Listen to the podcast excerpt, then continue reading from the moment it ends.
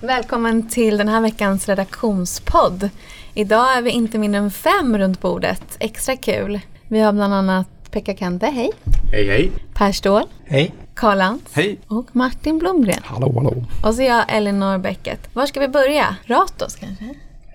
Ska vi riva av den på en gång? Ja, men gör det. Du ser så taggad ut. ja, men det är lite uppspelt över Ratos senaste affär. De har ju gjort, vi har ju dem i vår köpvärda aktieportfölj. De har väl eh, gått okej okay, men inte fantastiskt. I alla fall sista, sista tiden. De har ju, är på väg att förhoppningsvis bli ett förvärvsbolag med lite annan värdering än de har haft tidigare då, efter en lång, lång period av städning i portföljen. Eh, och i veckan så köpte de då ett norskt bolag som håller på med underhåll för infrastruktur. Och det är det första, de har gjort en del små tilläggsförvärv. Det här är det första plattformsförvärvet då, sen de bytte strategi i början på året. Och tanken är ju då att utifrån det här så ska de kunna fortsätta förvärva och växa organiskt med bra lönsamhet. Eh, så det, det, är bra för att eh, det skapar möjligheter att växa. Det är också bra tycker jag för att, eh, som vi pratade om förra veckan tror jag, för, för att balansera upp portföljen som är väldigt plantagenberoende just nu. Och dessutom så har de även efter det här förvärvet enligt vd Jonas Wiström ungefär 8 miljarder kvar att använda till förvärv eh, utan att slå i taket på sitt skuldmål. Så att förhoppningsvis en katalysator för en eh, omvärdering av aktien. Så att det gläder mig. Mm. Och det är väl för vi har pratat ganska mycket den här veckan upplever jag i alla fall. Att det känns lite bubbligt och högt allting och lite så. Eh, Speciellt Men, kanske äh, hela elbils äh, värderingsrallyt. Det är väl det kanske som många kliar sig i håret om de har något. Rivian. Rivian ja.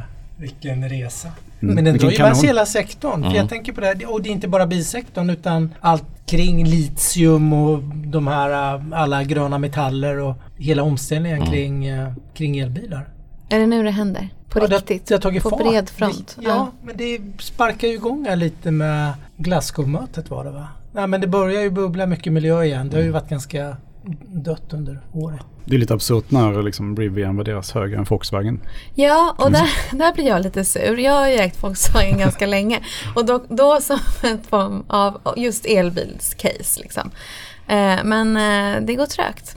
Ja, men folk vill ha, man vill ha nya kickar liksom. Lite sådär. Det känns att marknaden vill, vill, vill, vill få kickarna och det, det, kommer liksom, det följer typiskt den här hype-kurvan liksom. Mm. Så att du kommer ju ha en, eh, först går du upp till rymden liksom. Och sen mm. kommer du ha en rejäl krasch i det där. Och det är ju ja. de som är renodlade pure place som får den här fantasivärderingen. Om man ligger inbakat i resten då som i, i uh i Volkswagen så verkar det inte hända även om de är jättestora på elbilar och har ambitiös agenda. Men hade de lagt sina elbilar i ett eget bolag, precis som då Polestar är i, i Volvo-fallet, så hade de säkert fått en helt annan värdering på den lådan. Ja, jag har annonserat i alla fall i veckan ytterligare satsningar på elbilar. Men jag tycker att det är konstigt att de liksom inte hänger med överhuvudtaget. Men eh, det är säkert andra förklaringar. Jag såg någon siffra på eh, att Rivian-värderingen skulle motsvara om det var 13 miljoner per bil i den planen de har det för några år framåt. Och det kommer inte en bil att kosta och det kommer, det, det kommer absolut, kommer absolut inte vara den lönsamheten man har mm. per bil. Så att det är ju på något sätt långt upp i, i stjärnorna det här. I, och, och, så drar det då med sig det här relativvärderingsspelet att om Rivian ska vara värt så här mycket, ja men då borde ju Polestar vara värt så här mycket. Om Polestar vara värt så här mycket så, måste ju Volvo vara värt så här mycket. Mm. Så att Volvo har ju haft en, en supervecka också, Volvo Cars då, på, eh, på det här relativvärderingsspelet. Som vi har sett tidigare i historien och eh, det slutar inte alltid väl. Nej, och vår makro Nestor Pekka, vad säger du om börsläget just nu? Jag är eh, lite förvånad att det är så pass starkt. Eller att det är så väldigt starkt egentligen. Och att eh, det, det har ju funnits ganska mycket hot mot börsen. Men man ser, mm.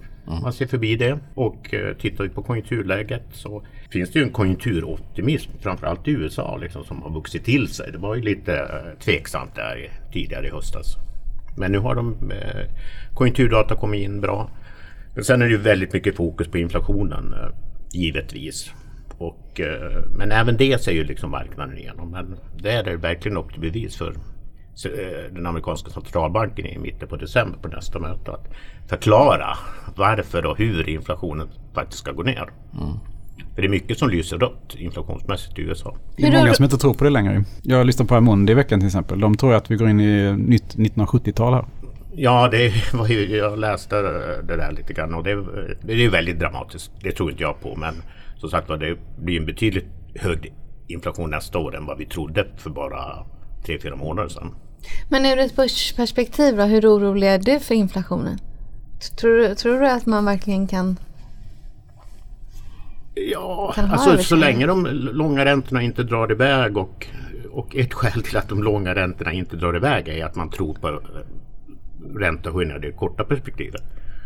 Jag menar, långräntan ligger på 1,6 procent och ligger den kvar där så eh, ja, varför kan inte börsen fortsätta uppåt? Liksom? Det är det, det som har skett med den här omvärderingen av techaktier till exempel. Är ju just att räntan inte har dragit iväg som många hade trott. Mm. Ja, det är ju månadens vinnare så jag. Jag satt och tittade lite på sektorerna. Dels är det de sällanköpsvaror. Lyxprodukter. Eh, jag tror elbilarna hamnar där. Mm. Tesla ligger där bland annat. Och du pratade lite hushållskök och... Ja precis, appliance eh, vitvaror verkar också ha tagit fart och många av amerikanska stora retailers har kommit med bra rapporter eh, senaste dagarna. Och, eh, så att det verkar bra och folk vill tillbaka till butikerna verkar det som. Får vi se, se hur länge det håller nu med tanke på smittoläget i en del europeiska länder som inte ser jätteljust ut. Och sen vill de tillbaka till techaktier igen. Mm. Men det är ju ett vitt begrepp. Men det är ju många techaktier som har gått väldigt starkt. Jag tänkte på Nvidia som lämnade rapport igår. Den var urstark. Mm. Den belönades med nästan 9% i uppgång.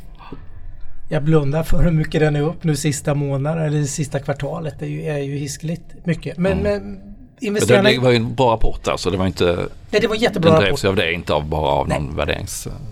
Inga elbilsuppgångar. Nej, det var inte precis. Det fanns en lite lite fundamenta i botten på den uppgången i alla fall. Men investerarna verkar hitta tillbaka till tech. Man verkar sälja banker och lite sånt. Så det, ja, sentimentet har ändrats lite mm. tycker jag sista månaden som säger. Jag tänker på en annan sak när vi ändå pekar. Dollarn. Dollarn har ju varit urstark. Jag såg att den, den är upp 3% mot kronan på en månad. Året är näst, den är nästan 9 under sen årsskiftet. Vad är din kommentar? Är det de här räntehöjningarna att de ligger så långt före? Ja, Riksbanken? Eh, alltså, det ena är ju att räntehöjningarna kommer. Man prisar väl in kanske upp mot tre räntehöjningar under 2022 nu. Ja. Det är det ena. Sen att konjunkturen är eh, så pass stark i USA. Och sen är det ju ett liksom negativt euro-case nu med ökad smittspridning. En konjunktur som har blivit lite tveksam. Så det, och den svenska kronan dras ju med i, liksom, i eurons kräftgång. Ja, för den har ju stannat av nu den här starka uppgången kronan hade mot euron för någon månad sedan. När den var nere i 9,90 eller något. Ja, precis. Och det överraskar ju många att, att eh, den, den, här förstärkningen kom så pass snabbt. Sen brukar ju hösten vara en ganska svag period för just kronan. Men kan man förvänta sig att dollarn går ännu mer? Är det det du säger? ja, ja, just nu så talar ju väldigt mycket för att vi får se en, en, en, eh, ett positiv, en positiv dollartrend ett tag till i alla fall. Så 9 kronor sen, känns inte orimligt? Nej, nej, nej, absolut inte. Nej, absolut inte. Men sen får vi se efter. Nu har ju den amerikanska centralbanken ett möte i 14-15 eh, december. Och vad de säger kommer att ha en avgörande betydelse för vart dollarn tar iväg efter det. Liksom. Du, hur mycket är tapering per månad? Ska de fortsätta med att dra ner 15 miljarder dollar per ja, månad? Då? 15 mm. miljarder i månaden drar de ner. Vilket skulle betyda att eh, det skulle vara avslutat någon gång i mitten på... Alltså obligationsköpen skulle vara avslutade i mitten på nästa år. Då. Men man tror ju nu att en räntehöjning kommer innan obligationsköpen är avslutade. Okej, okay, när tror man att räntehöjningen kommer? Det, man tror ju på att det ska bli eh, uppemot tre räntehöjningar under 2022 då om man tittar på Fed Fund Futures. Så då ska det ju komma någon eh, runt halvårsskiftet eller tidigare. I, mm. Det skulle väl kunna vara en sån händelse som inför att det händer börjar eh, skapa lite börsoro och sen kanske precis som med tapering när det väl händer så, så skakar man på axlarna. Ja. ja. precis. Man tar ut i förskott. Mm. Ja, press. Det, men, men som sagt det kan bli lite turbulens inför, mm. precis som Martin säger. Vi var inne på en eh, supertrend, eh, strukturell supertrend i elbilar. En annan eh, trend som man, i alla fall några av oss har hoppats på i form av en investering i Oatly men också i vad heter den, Väggovlund. Ja, de har fått smittats av Oatlys haveri. För att här har vi ju eh, god efterfrågan men jobbig produktion och den, Oatly också med bland köpare aktier men har gått riktigt risigt. Ja, det var en rejäl utställning här efter rapporten då. De tappade ju ungefär 10 procent eller omsättningen ungefär 10 lägre än vad marknaden har trott. Men man får ju säga då att aktien har ju, hade ju gått ner väldigt kraftigt redan innan det här. Så att Den handlas nu kring 10 och introduktionskursen var 17. 17 dollar. Men eh, förmodligen kände ju många till då att de har haft, det, är framförallt härligt då till att de inte får igång sin produktion ordentligt. Och att de har haft lite kvalitetsproblem också med produktionen. Det tycker jag är ännu mer, lite allvarligt i så fall. Men eh, det som har hänt då efter rapporten, eh, där den föll kraftigt då, det är ju att eh, den har ju studsat tillbaka lite grann och dessutom har ju... Upp 4,5 procent igår till exempel. Ja, duktiga då analyshus har ju faktiskt vänt det gäller aktien och de som tidigare haft neutral, till exempel Morgan Stanley då, de har sätter köp på den nu. Sänkt riktkursen till 14 dollar men sätter köp på, de tror att 2023 då, då kommer det vara hur bra som helst. För att eh, efterfrågan är ju enormt stark. Det är ju, problemet är ju liksom att få upp produktionen då just nu. Mm. mm. Men då tänker jag så här, just med Oatly, att om man inte lyckas med produktionen nu, att de är ett ganska viktigt eh, eh, vad ska man säga, just nu viktig period där man ändå ska liksom, där folk ska vilja ha det här varumärket. För det är inte jättesvårt kanske att göra havremjölk. Är det liksom, kan det paja för framtiden lite så? Tänker ja, jag. det gör det säkert lite grann. Det, det, ska, det är väl det kanske marknaden då reagerar på eller kanske överreagerar på då. Ehm, att, eh, att de, de tappar ju för framtiden också eftersom de inte kommer... Tappar momentum det, gentemot. Om du läser liksom äh, väldigt, väldigt rudimentära undersökningar. Om du läser så här chattsajter i USA till exempel så är det ju, står det ofta att det, det har varit slut sedan tre månader liksom. Jag får, vi kommer inte in liksom. Även om det då är... Ja, man kommer inte ikapp helt enkelt. Ehm, så att det är ju, men det egentligen är det ju ett trevligt problem. Ja, det är det ju. Det är värre att inte ha någon efterfrågan. Oavsett bransch, om ett bolag är väldigt högt värderat i förhållande till vinsten eftersom de inte gör vinster än så länge. Och då kan även en liten besvikelse få enorma utfall på aktien. Mm. Det är liksom universellt för aktiemarknaden att om man har eh, förväntansvärderingar så, så blir eh, besvikelser väldigt väl... slagiga. Precis. Och det är precis som den här uh, Rivian. Uh, alltså den här aktien är precis rört sig så som en sån här hype-aktieskala. Mm. Alltså, mm. Att den kommer in på 17 dollar, första traden är kanske på 22. Sen går den upp till 30, nästan 30 dollar. Sen faller den då långsamt länge, länge, länge, länge, länge ner till 9 dollar på den är som lägst nu. Och eh, alltså någonstans har jag läst att snitt då är från när det är sådana hyperaktier så är 70% brukar man säga är en sån där då, där tar det stopp. Från topp till att topp bottna till, till botten. Okay. Mm. Så att, eh, Intressant. Så, så har det nästan varit om. Mm. Mm. Så att, ja, jag äger själv aktien och uh, jag med. kommer väl förmodligen att, jag ökade innan rapporter får jag säga. Vilket var dumt. Men vi hoppas att det, att det vänder här helt enkelt. Det hoppas vi verkligen. Mm. Elinor, är du kvar eller har du skjutit ut dig? Jag har inte skjutit ut mig. Jag tror också jag köpte lite. Kanske, det var någon gång när det gick ner väldigt mycket i alla fall. Det kanske var innan rapport. Ja, det gick ner precis. Det gick ner mycket innan rapport också. Ja, mm. så ja, nej. Vi, eh, man ska ha tålamod. Mm.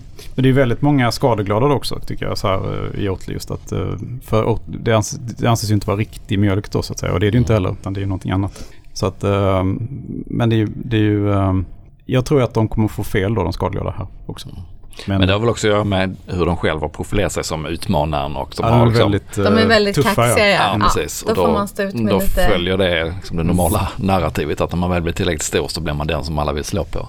Exakt. Och, och kommer man då med missar så, så Just det, de öppnade fram. faktiskt en fabrik i Kina här. Kom ju nu. Första fabriken då för havmjölk.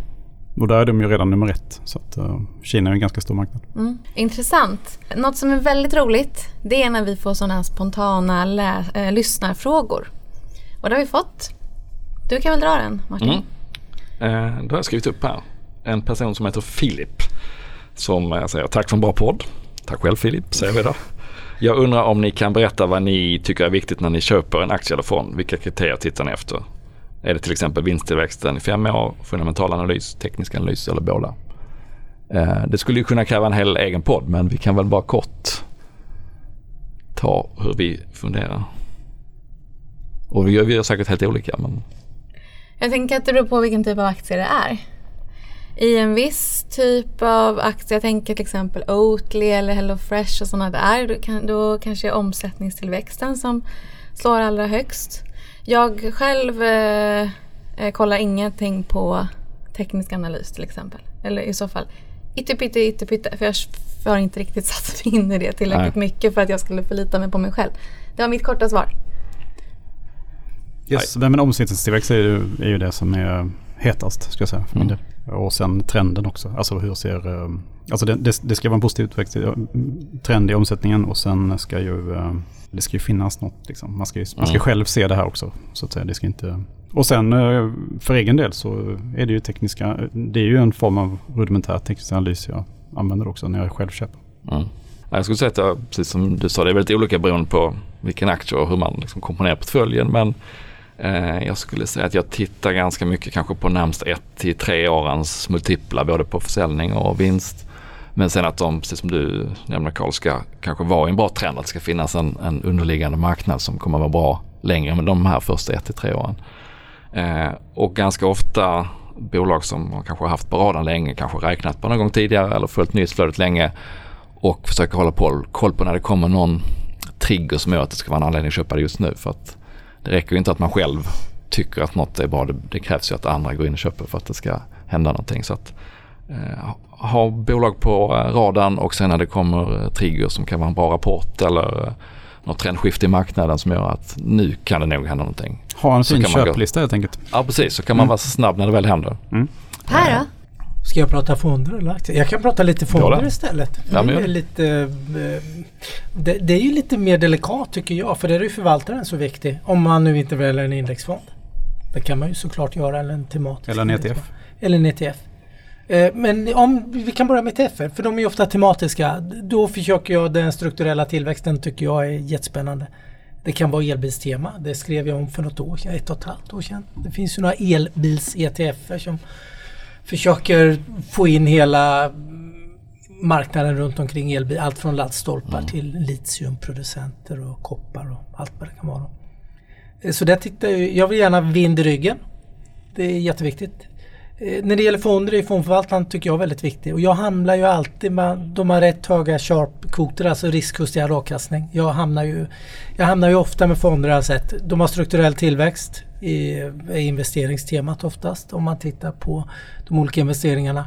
Och sen har förvaltaren ofta lägre risk än snittet i marknaden och ofta lite, lite högre avkastning och håller ofta lite bra på nedsidan. Inte så mycket värdeförvaltare vilket har gjort att mina fondval i år har ju varit lite hipp som happ faktiskt. För det har tagit lite stryk som jag inte just så mycket värdebaserade fonder.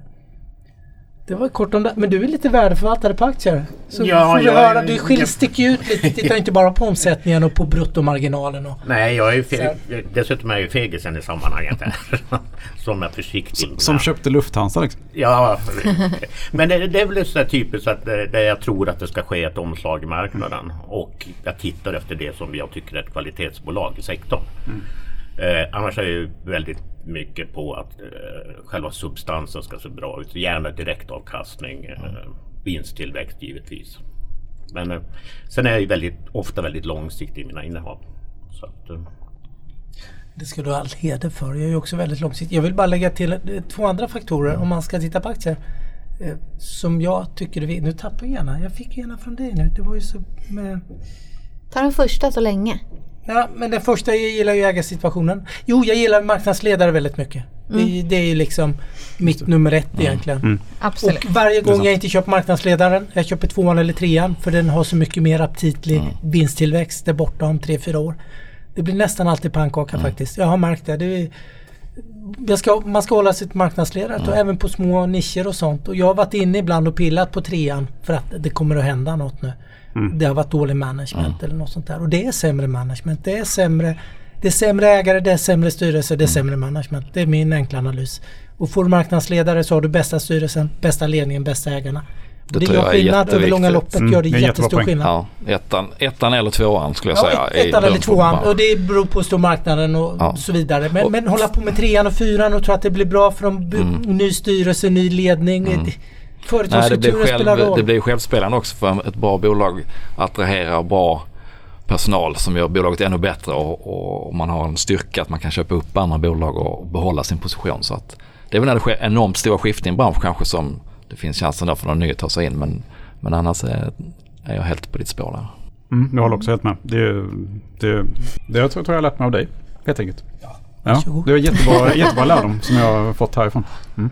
Mm. Marknadsledare och att ha vinden i ryggen om man ska sammanfatta är ju superviktigt. Och sen ner på bolagsnivå då är det såklart tusen andra faktorer man kan titta på. Men, men det är väl en bra eh, bottenplatta. Ja, och att det kan se lite olika ut beroende på vilken typ av bolag det är också. Men vi hade ännu en eh, tittarfråga, lyssnarfråga.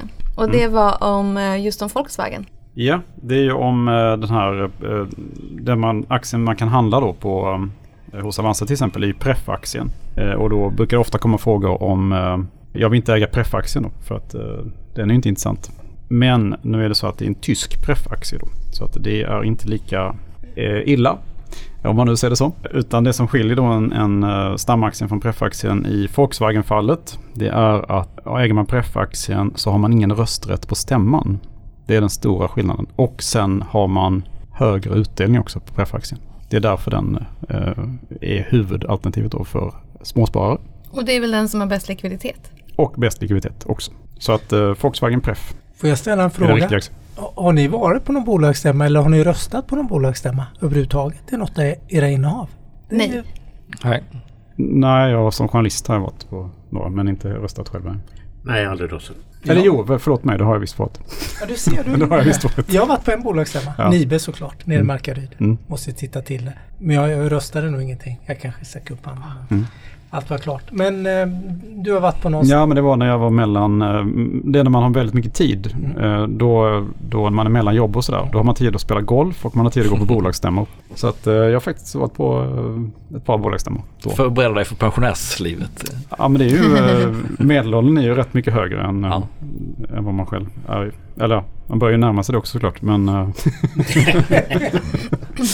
Men möjligheten att gå eh, har väl aldrig varit större med tanke på att väldigt mycket är digitalt. Ja, så, corona, är det. Så är det. är ju Men det är ju, inga, det är ju sällan några stora nyhetsevent utan det, ska, det kommer inte så mycket nytt på de där tillställningarna. Men det kan ju vara en kul uppdatering. Ja men det är ofta väldigt en kul. Bulle, kanske? Det är väldigt kul att, att, prata med. Alltså om du, om du är stor, eh, alltså förhållandevis storägare då i en aktie så är det ju kul att prata med. Ofta är det liksom någon Chief Operating Officer kanske. Det är där mm. som du kan prata med. Och de har verkligen koll på verksamheten. Tror jag. Mm. Och det är en chans att få ställa frågor. Ja. Se. Ställa detaljfrågor. Känna, känna och klämma lite. Mm. Ja exakt. Se om det är värt att vara kvar här och se möjligheterna då. Mm. Vad har vi gjort för affärer i veckan då? Martin, du kan väl börja? Jag har inte suttit på händerna så mycket kan jag säga. Nej, vad roligt. Um, om jag börjar med försäljningar så har jag sålt resten av de AstraZeneca jag hade. Sålt ett defensivt innehav alltså och sen så har jag skrivit upp risken rejält. Det kan ju bli en uh, historiskt dålig timing, vem vet om börsen skulle men hur gick det ihop med att du, kände att det var lite bubbligt? Nej, det går inte alls ihop. Jag men jag bara kände att det här fanns en massa grejer jag ville plocka upp. Eh, så att jag köpte en hel del bolag som har fått mycket stryk. Eh, till exempel BHG, alltså e-handels eh, vad ska man säga, e-handelskonglomeratet som har sugit upp en massa olika e-handelssajter. Eh, men delvis är de idag konkurrent med Byggmax och medan Byggmax har gått som ett spjut så har de här gått ner 40% från toppen. Gått från att ha en ganska hög värdering till att inte längre ha det. Eh, och vem vet om vi nu går in i lite mer lockdowns och sådär så tillsammans med att de då har fallit väldigt mycket och inte är högt värderade längre så borde de kunna vända upp. Så den har jag sugit upp. Jag har även köpt eh, Storytel. Vilket är i princip helt och hållet ett bett på att någon ska lägga ett bud på dem. Spotify köpte ett ljudboksbolag eh, nyligen och Storytel köpte själv ett i USA. Och Storytel och Spotify har någon slags samarbete som kommer att rulla igång här ganska snart. Så att det vore ju inte helt orimligt om Spotify någon gång köper upp dem. Eh, så det är det jag tar ett litet bett på där. Och så har jag köpt eh, norska Septec. Konkurrent slash branschkollega till... Tom. Vad gör de? Tom inombords. Eh, de är konkurrent till Citec. Ah, elbilsladdare. Du kör dina. Du mm, last, nu jävlar ska laddstolparna ja, nu förstår jag. fortsätta upp i himlen. Och de är mer renodlade än Citec. Citec har ju även en massa gamla batteriladdare. De här är mer renodlade och eh, supertillväxt och kommer en jättebra rapport. Och, eh, högt värderad såklart men också en marknad som, på tal om att ha vind i ryggen, här är det helt givet att marknaden kommer att växa under många, många år framöver. Storm i ryggen. Storm i ryggen, Storm precis. I ryggen um, och så har jag köpt Sinch som också har fallit som en sten. Bottenfisk igen. Uh, köpt tillbaka, mm. sa du den på strax över 170 tror jag det var. Nu är den nere på 125. Ja, du var, skit, du var ju riktigt nöjd där liksom. Ja. Över den försäljningen. Mm, det är nöjd Och jag tänkte att nu håller jag mig borta från den. Men äh, de kom ett jätte-insiderköp här i veckan och värderingen har också fallit ner lite. De är ju dyra fortfarande men eh, supersnabb tillväxt och har en hel del förvärv att integrera. Men ett bett på att de har bottnat. Och till sist så gjorde jag ett, det brukar jag inte göra, men jag gjorde ett litet rapportspäck inför Björn Borgs rapport som kom på morgonen. Ett lyckat sådant? Ett lyckat sånt, ja. Eh, man har ju sett andra retailbolag, speciellt de med egna varumärken då, som Craft inom New Wave har gått superstarkt och hur marginalerna då har gått från att ligga kanske under deras marginalmål till att etablera sig flera procentenheter högre. Så eh, det var ett litet, en litet bett på att det skulle hända även i Björn Borg, vilket det gjorde. De kom med en superstark rapport här på morgonen. Rörelsemarginal på 22 procent i Q3. Eh, de har ett marginalmål på 10 procent så det säger lite grann om var de är just nu. Sen kanske inte det är uthålligt men eh, de ökar sin onlineförsäljning väldigt mycket och de går då från att bli från att vara kalsong till att bli ett bredare sportvarumärke eh, i planen. Och hur mycket har de stigit idag då? Den var nog upp en 14-15 procent innan vi Grattis. gick in i podden. Tack. Men är det någonting du tänker eh, behålla dem längre än den månaden vi måste behålla? Ja, får väl se vad de står då om en månad. Men jag, jag, tror inte att den här marginalhöjningen är något som bara är det här kvartalet. Utan de har, uh, ju mer de säljer online, det är där de ser att kunderna finns, det är där de satsar. Och, uh, så jag ser inte att marginalen skulle behöva falla tillbaka sådär supermycket. Är det kalsongerna som drar eller? Det är äh, kalsongerna och de hade inte ökat själva de andra sportkläderna så mycket som jag hade trott faktiskt. Omsättningen var inte någon enorm uppgång. Men man ser att det som växer är via online då, både via egen onlineförsäljning och via sådana här e-tailers. Och man har ju helt andra bruttomarginaler när man kan sälja själv istället för att gå via butiker och eh, eh, mellanled. Så att därför tror jag att marginalen kommer att hålla sig kvar ganska högt. Du, det var precis, jag, jag, skrev om uh, Levi Strauss här ju. Ja. Levi's alltså. Det är precis samma där faktiskt. Att en fjärdedel av deras omsättning nu kommer ju från onlinehandel. Ja. Det är mycket bättre marginaler där. Och det är ett skifte. Det, jag har svårt att säga att det skulle gå tillbaka. Mm. Det kommer ju hoppa upp och ner efter pandemins verkningar såklart. Men, eh, men det är ändå ett nytt beteende tror jag hos mm. kunderna. Och för de här bolagen som har egna starka varumärken som inte är beroende av att ja. en, en butikskedja eller ett varuhus med mm. andra varumärken också säljer dem så, mm. så kommer de att kunna etablera sig på en högre marginalnivå, mm. tror och hoppas jag. Det är samma med lyxvarumärken också. Ja. Man, man tror ju till exempel att det här eh, met, nya internet och Meta så att säga, att eh, det kommer att vara ett jättelyft för lyxvarubolagen också. Precis samma, på längre sikt. samma dynamik och de här Revolution Race heter de väl som också säljer bara direkt via, via nätet har ju också helt andra marginaler och aktiekurser än, än de traditionella Mm. De kanske inte är lika mycket tjafs med returer och sånt där heller, eller? Nej, jag tror inte att just kalsonger är något som man äh, vill ta tillbaka. just kalsonger, nej det vill man men, inte. Men även på andra kläder tror jag du har Det var en, inte just det jag tänkte på, men ja, jag fattar vad du menar. Även med eh, de andra sportvarumärkena, eller sportkläderna, så tror jag inte heller att det är samma man, man, köper inte hem det för att testa på samma sätt. Utan man, Nej men du vet vad du köper. Du köper inte liksom fem olika klänningar, vilken ska jag ha i helgen så, på det viset. Nej, precis. och du håller ner kostnaden. Ja, och det var det. det, det var, ja, det du har var, varit rejält, slit, rejält aktiv. Ja. Kul att höra. Karl då? Du mm. brukar ju annars ligga i topp. Ja, kan du nej men det gör jag inte den här gången kanske. Eh, kanske jäm, jämsides kanske. eh, jag har faktiskt eh, gjort ett eh, stort bottenfiske i en eh, gammal fisk som heter Visa. Oh. Den har ju då eh, backat lite. Torsk. Den har gått torska.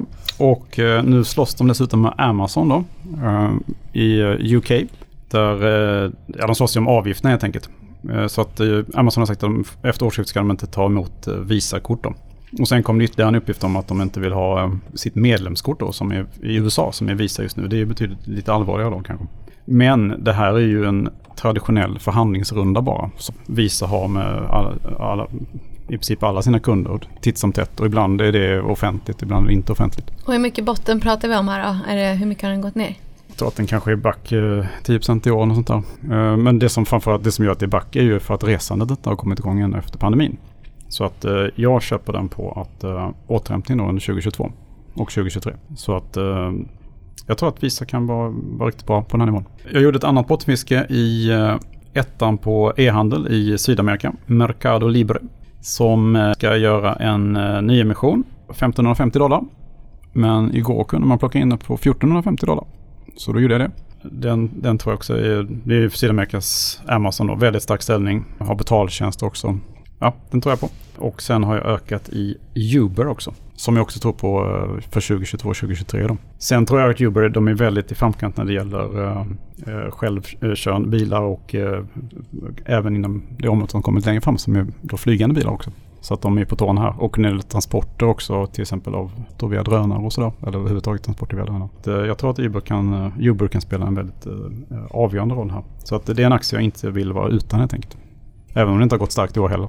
Sen har jag sålt McAfee då, som det var uppköp på. Ja, du tog inte strid för? Nej, jag orkar inte det. Uh, orkar inte ligga kvar där. Men det är möjligt att det höjs med någon dollar. Det, jag är inte så tålig. Eller jag är, jag är otålig helt enkelt. Ja. Mm. Mm, det var mina affärer i stort. Per, du har varit på semester. Har du varit aktiv på semestern? Nej, inget. Jag skulle till och med sälja men jag glömde bort att sälj, sätta mig på säljknappen till och med. Vilket var synd för idag kom det en riktad emission som drog ner aktien såklart. VNV? VNV ja. Den skulle jag ju sålt i måndags men det blev inget. Så är det. Men du hade en skön semester? Jag hade Även om du hade lite Mistral i början? När du Mistralen gjorde att det blev så fokus på att hålla paraplyet i måndags. Så är det. Nej, jag har inte gjort någonting faktiskt. Men jag funderar på en sak. Bara, nu blir det lite mer... Jag gillar filosofiskt. Ju, ja, filosofiskt. Jag kan ju inte hålla mig borta. Men jag tänkte på en sak nu. Alla e-handlare har haft det jättetufft. Det, dels är det backslash på eller på någon gång på öppnandet att folk mm. vill vara i butiker. Men jag såg en annan blänkare och jag tänkte på vår egen verksamhet. Annonsförsäljningen är ju slutsåld. Och vad händer då? Ja, priserna går upp och det är ju ofta... Jag för, börjar förstå varför varumärken som Livas går bra. För de tar in mer försäljning. De har starkt varumärke på, på nätet för som konsument mm. vill köpa. Men de här mer portalliknande Mercado Libre Amazon och allt det här. De mm, måste ju, annons- de måste ju börja annonsera kanske lite kraftigare igen. Mm. Vilket eh, är ju betydligt dyrare. Man ska ju köpa Google. De tjänar ju mer pengar än någonsin nu. Eller Facebook. Eller Facebook. Mm. Så jag menar, jag känner att undrar om mm. det här spelet inte är hos många investerare. Varför e-handlarna också har haft det lite kämpigt. För man ser ökade kostnader på annonsering. Och det blir även slut på på sajterna med annonser. Det vet ju vi i vår egen verksamhet. Ja. Att det, det, man ser, vi ser vad mycket annonser det är på de ja. sajterna man är inne. Man kan inte bara ha annonser. Nej, så jag vet inte. Det var en liten... Ja, bara en fundering. Mm. Men Pekka har gjort massor. Ja, vanligt har jag gjort Han massor. greppar Nej, mikrofonen här i ett stadigt... Sur, sur, surprise, surprise. Så jag är stolt lite av mitt innehav i Byggmax. En gammal trotjänare i portföljen. Mm. Som har gått väldigt bra. Eh, men eh, grejen var ju den att jag köpte på mig efter besvikelserna i samband med att de annonserade sitt aktieåterköp. Det har typ varit kort ryck och sen ner ganska ordentligt. Då köpte jag. Och sen efter rapporten så var det också ett ganska kortsiktigt mm. ryck uppåt och sen ner igen. Och då passade jag också på att köpa på mig. Men, eh, det, men nu, har, och nu har den stigit rejält de senaste veckorna. Så att eh, jag kapade lite av mitt innehav. Det var min överlägset största. Hur många procent av portföljen är? Eh, nu är det väl kanske 20. Ja, det är mycket. Mm. Mm. Och det var nog uppe i 35. Pekka, du som har läst finansteori och allt på universitetet. Ja, jag vet. Hur hamnar man i 35 procent? Ja, men jag var så säker på Byggmax att uh, marknaden hade fel och jag hade rätt. Helt enkelt. Mm. Ja, bara diversifiering är för fegisar. men, men. Men som sagt var. Ja jag sover väl lite lättare om mm. natten nu då. Mm. Men du tror ju fortfarande starkt på Byggmax då? Om du har 20% ja, äh, ja, och den har ju fortsatt uppåt idag. Mm. sålde ju igår. Mm. Men men eh, det, det, kommer säkert att behöva kapas lite till och mm. sprida riskerna lite. Mm. Då är det ju ett angenämt problem. Om det går så pass bra så att du måste liksom hyvla av lite mer. Ja, absolut. Själv eh, har jag inte så mycket roligt att berätta om. Jag, eh, jag har hyvlat. Jag passade på. Investor A gick upp 6,5 procent till exempel. På den här index om... På, ja, så då mm. faktiskt om man säger man ska aldrig sälja Investor. Nej, men gjorde jag det i alla fall. Eh, och likadant eh, sålde jag av lite för Nordic. Bara pytte, pyttelite. Också för de, som ett de, skott, de, Som ett skållat troll. Så det gjorde jag efter att de kom med rapport. Det också gick upp så även om det gick upp 7% på en dag eller något sånt där. Eh, sålde också pyttelite Enea. Och gjorde jag. Men du har inte köpt någonting? Nej, så jag gick från en smärre, smärre belåning, ytterpyttebelåning till en smärre, smärre kassa. Mhm. Så- Ready to strike. Ja, precis. Eh, så får vi se här då, vad som händer. Kanske, kanske det lite roligare att berätta nästa vecka. Får se. Mm. Kanske få en krasch här nästa vecka så kan du Ja, använda jag den där ju- kassan. Jag har ju tidigare, apropå elbilar och lite sånt där och laddning och har jag ju tidigare sagt att jag ska köpa C-Tech. När den har gått ner. Och den har, gick ner och den har inte gått upp. Så Nu har du även det. Zaptec att välja på om du vill. Och även Zaptec. Ja, så vem vet. Det var väl allt för den här veckan eller? Ja, det var inte så lite Nej, om vi får säga det själv. matigt. Vi önskar väl en trevlig helg. gör vi. Mm. Det gör vi. Hej hej. Hej. Hej. Trevlig helg på er.